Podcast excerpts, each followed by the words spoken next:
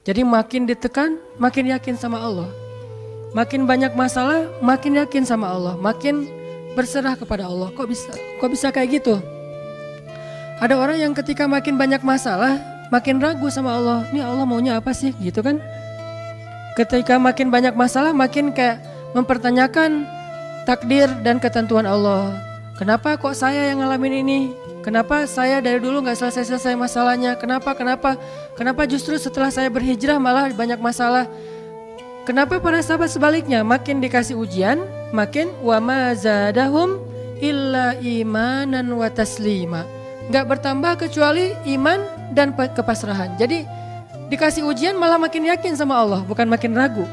Misalnya dia ganti nih modal transaksi dagangnya, bisnisnya yang tadi mungkin syubhat atau haram, sekarang dia pakai model transaksi bisnis yang hal-hal aja deh, yang aman-aman aja. Eh, gara-gara transaksi yang halal, malah banyak masalah.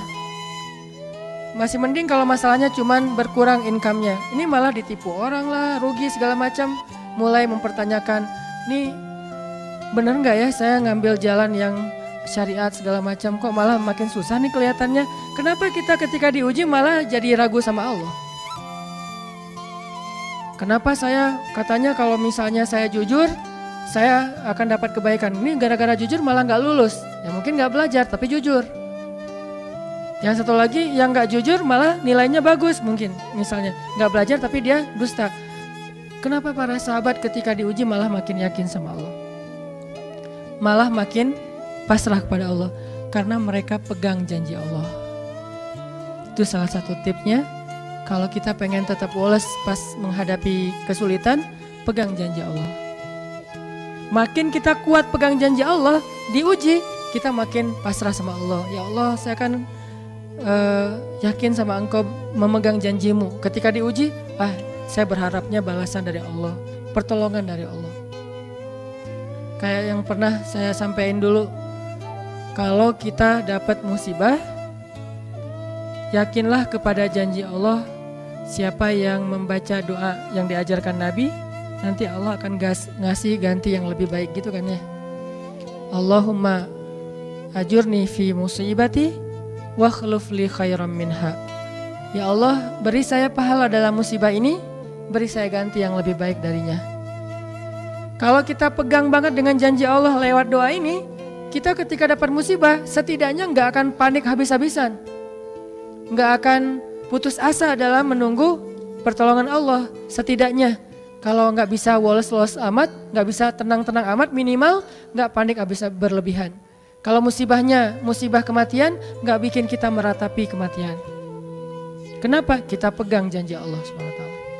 Makanya kan ada cerita seorang ayah yang diberi musibah dengan wafat e, dua orang anaknya.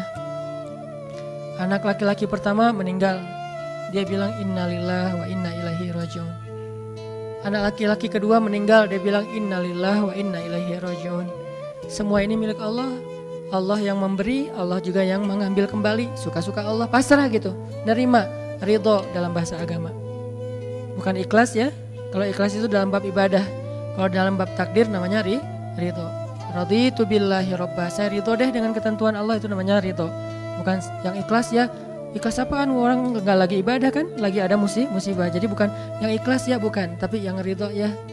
Kalau mau lebih tepat nih, tapi nggak apa-apa deh, pakai bahasa kita aja. Tapi kalau mau lebih tepat maknanya yang ridho ya, seng ridho ya gitu, bukan seng ikhlas.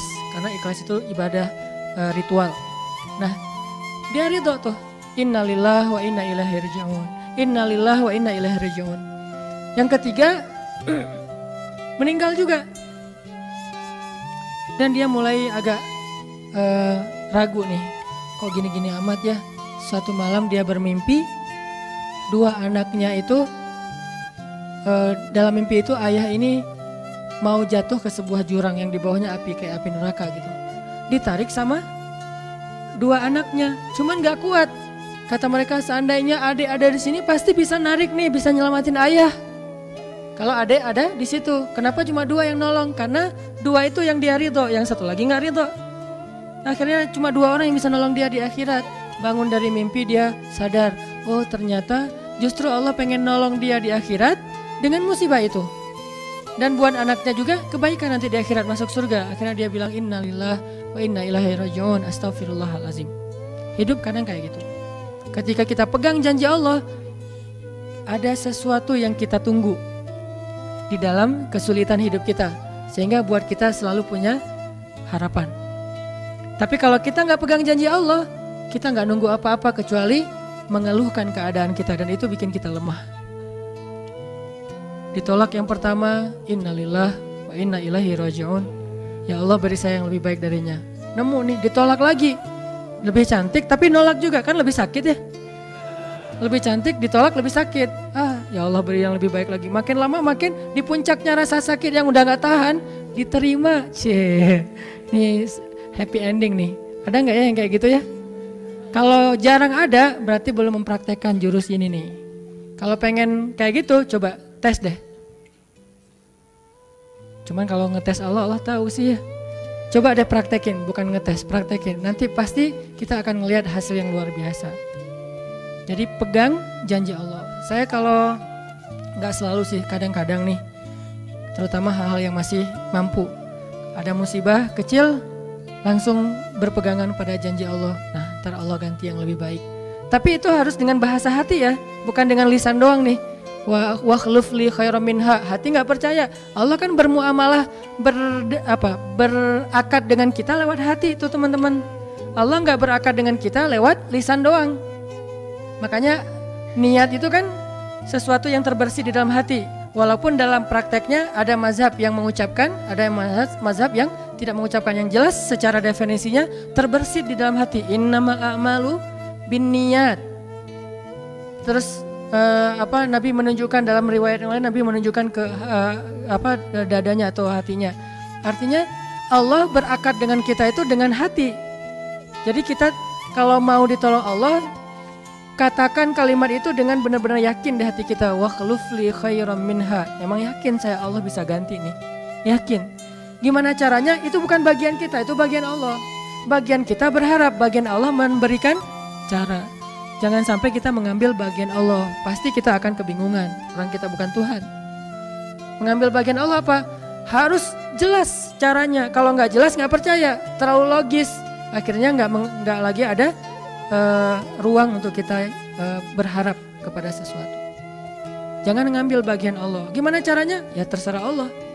Yang penting saya berharap Allah ganti yang lebih baik. Ikhtiar urusan kewajiban kita kepada Allah, bukan cara itu teh. Kewajiban kita kepada Allah. Ikhtiar itu dalam agama kayak ibadah, sholat, puasa, zakat. Bukan jalan untuk menemukan suatu kebaikan, karena Allah yang menentukan. Kadang-kadang kita ikhtiar ini jalannya dari yang lain. Kita ngejar, ternyata dapatnya justru yang sering kita sering pakai curhat. Kan beda-beda kan cara Allah ya. Kita ngejar, nggak berhasil curhat lagi ke teman kita di sebelah. Eh ternyata dia bukan dia yang jadi sama dia, kita jadi sama dia gitu maksudnya. Ini artinya emang Allah yang punya cara. Asbab, subul. Walladzina jahadu fina lanahdiyannahum subulana. Orang yang bersungguh-sungguh di jalan kami, kami akan tunjukkan kepada cara-cara menuju kepada kebaikan. Subul bukan cuma satu. Kalau satu sabil, ini berarti Allah yang punya cara. Ya Allah, beri saya ganti yang lebih baik. Saya yakin banget nih. Kata teman kita, caranya gimana? Kayaknya mustahil deh. Allah punya cara. Allah bisa mendatangkan sesuatu dengan cara-cara yang kita mengerti, ilmiah, logis. Bisa yang dengan cara yang kita nggak ngerti, nggak ilmiah, nggak logis. Bisa juga dengan sebalik dari apa yang kita ngerti. Kita ngertinya gini, Allah bikin yang sebaliknya. Allah punya banyak cara.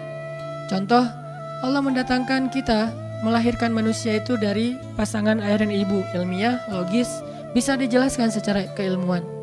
Tapi Allah juga bisa mendatangkan seorang anak tanpa ayah seperti Isa dari rahimnya Siti Maryam yang suci.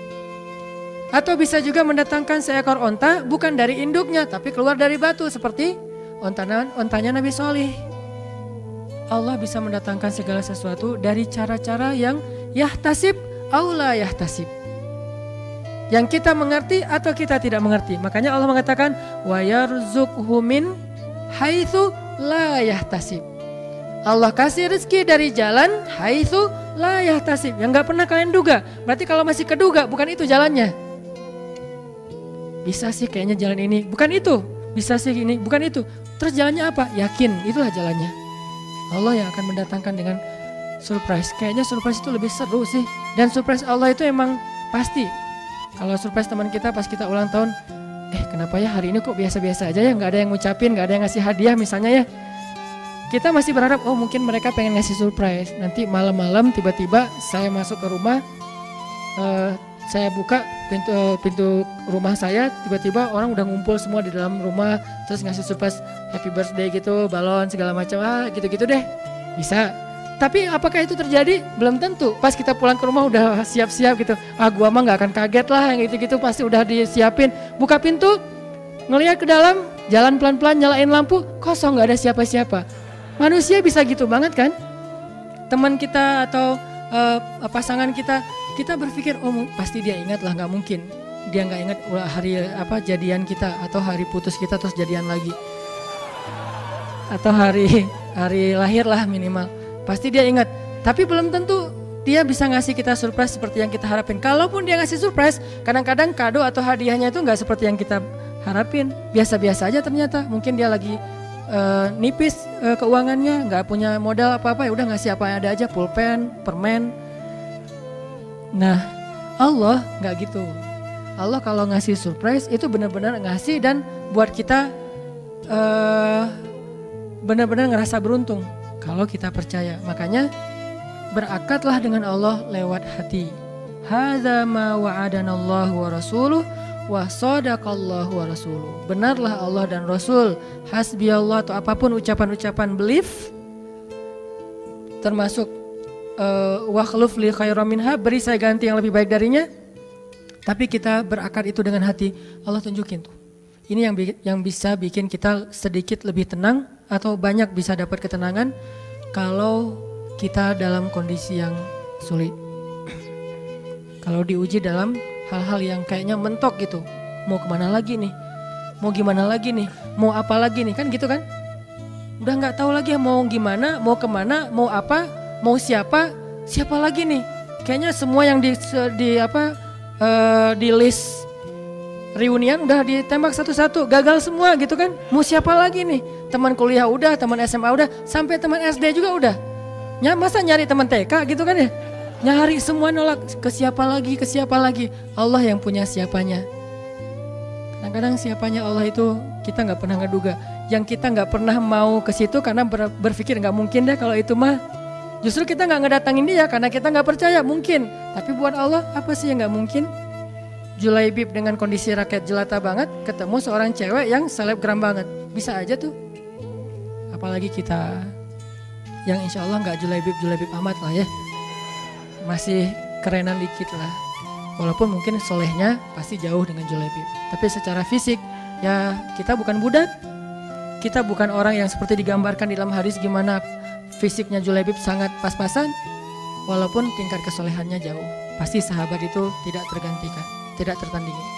Oke, itu satu kasus di Al-Quran gimana Wallace dengan modal pegang janji Allah. Berakad kepada Allah dengan hati. Ini kata kuncinya. Berakad kepada Allah dengan hati. Dan Allah pasti la yukhliful mi'ad. Gak akan ingkar janji. Gak akan. Kalau dengan hati. Masalahnya tingkat hati juga darajat lahum darajatun inda rabbihim. Orang yang beriman itu bertingkat-tingkat. Ada yang imannya itu benar-benar luar biasa sampai hal yang paling mustahil buat dia tuh nggak ada yang mustahil buat Allah. Ada yang berimannya yang berat-berat mah dia masih agak-agak ragu, yang ringan-ringan dia masih yakin. Berarti aku tergantung prasangka hambaku kepada kepadaku.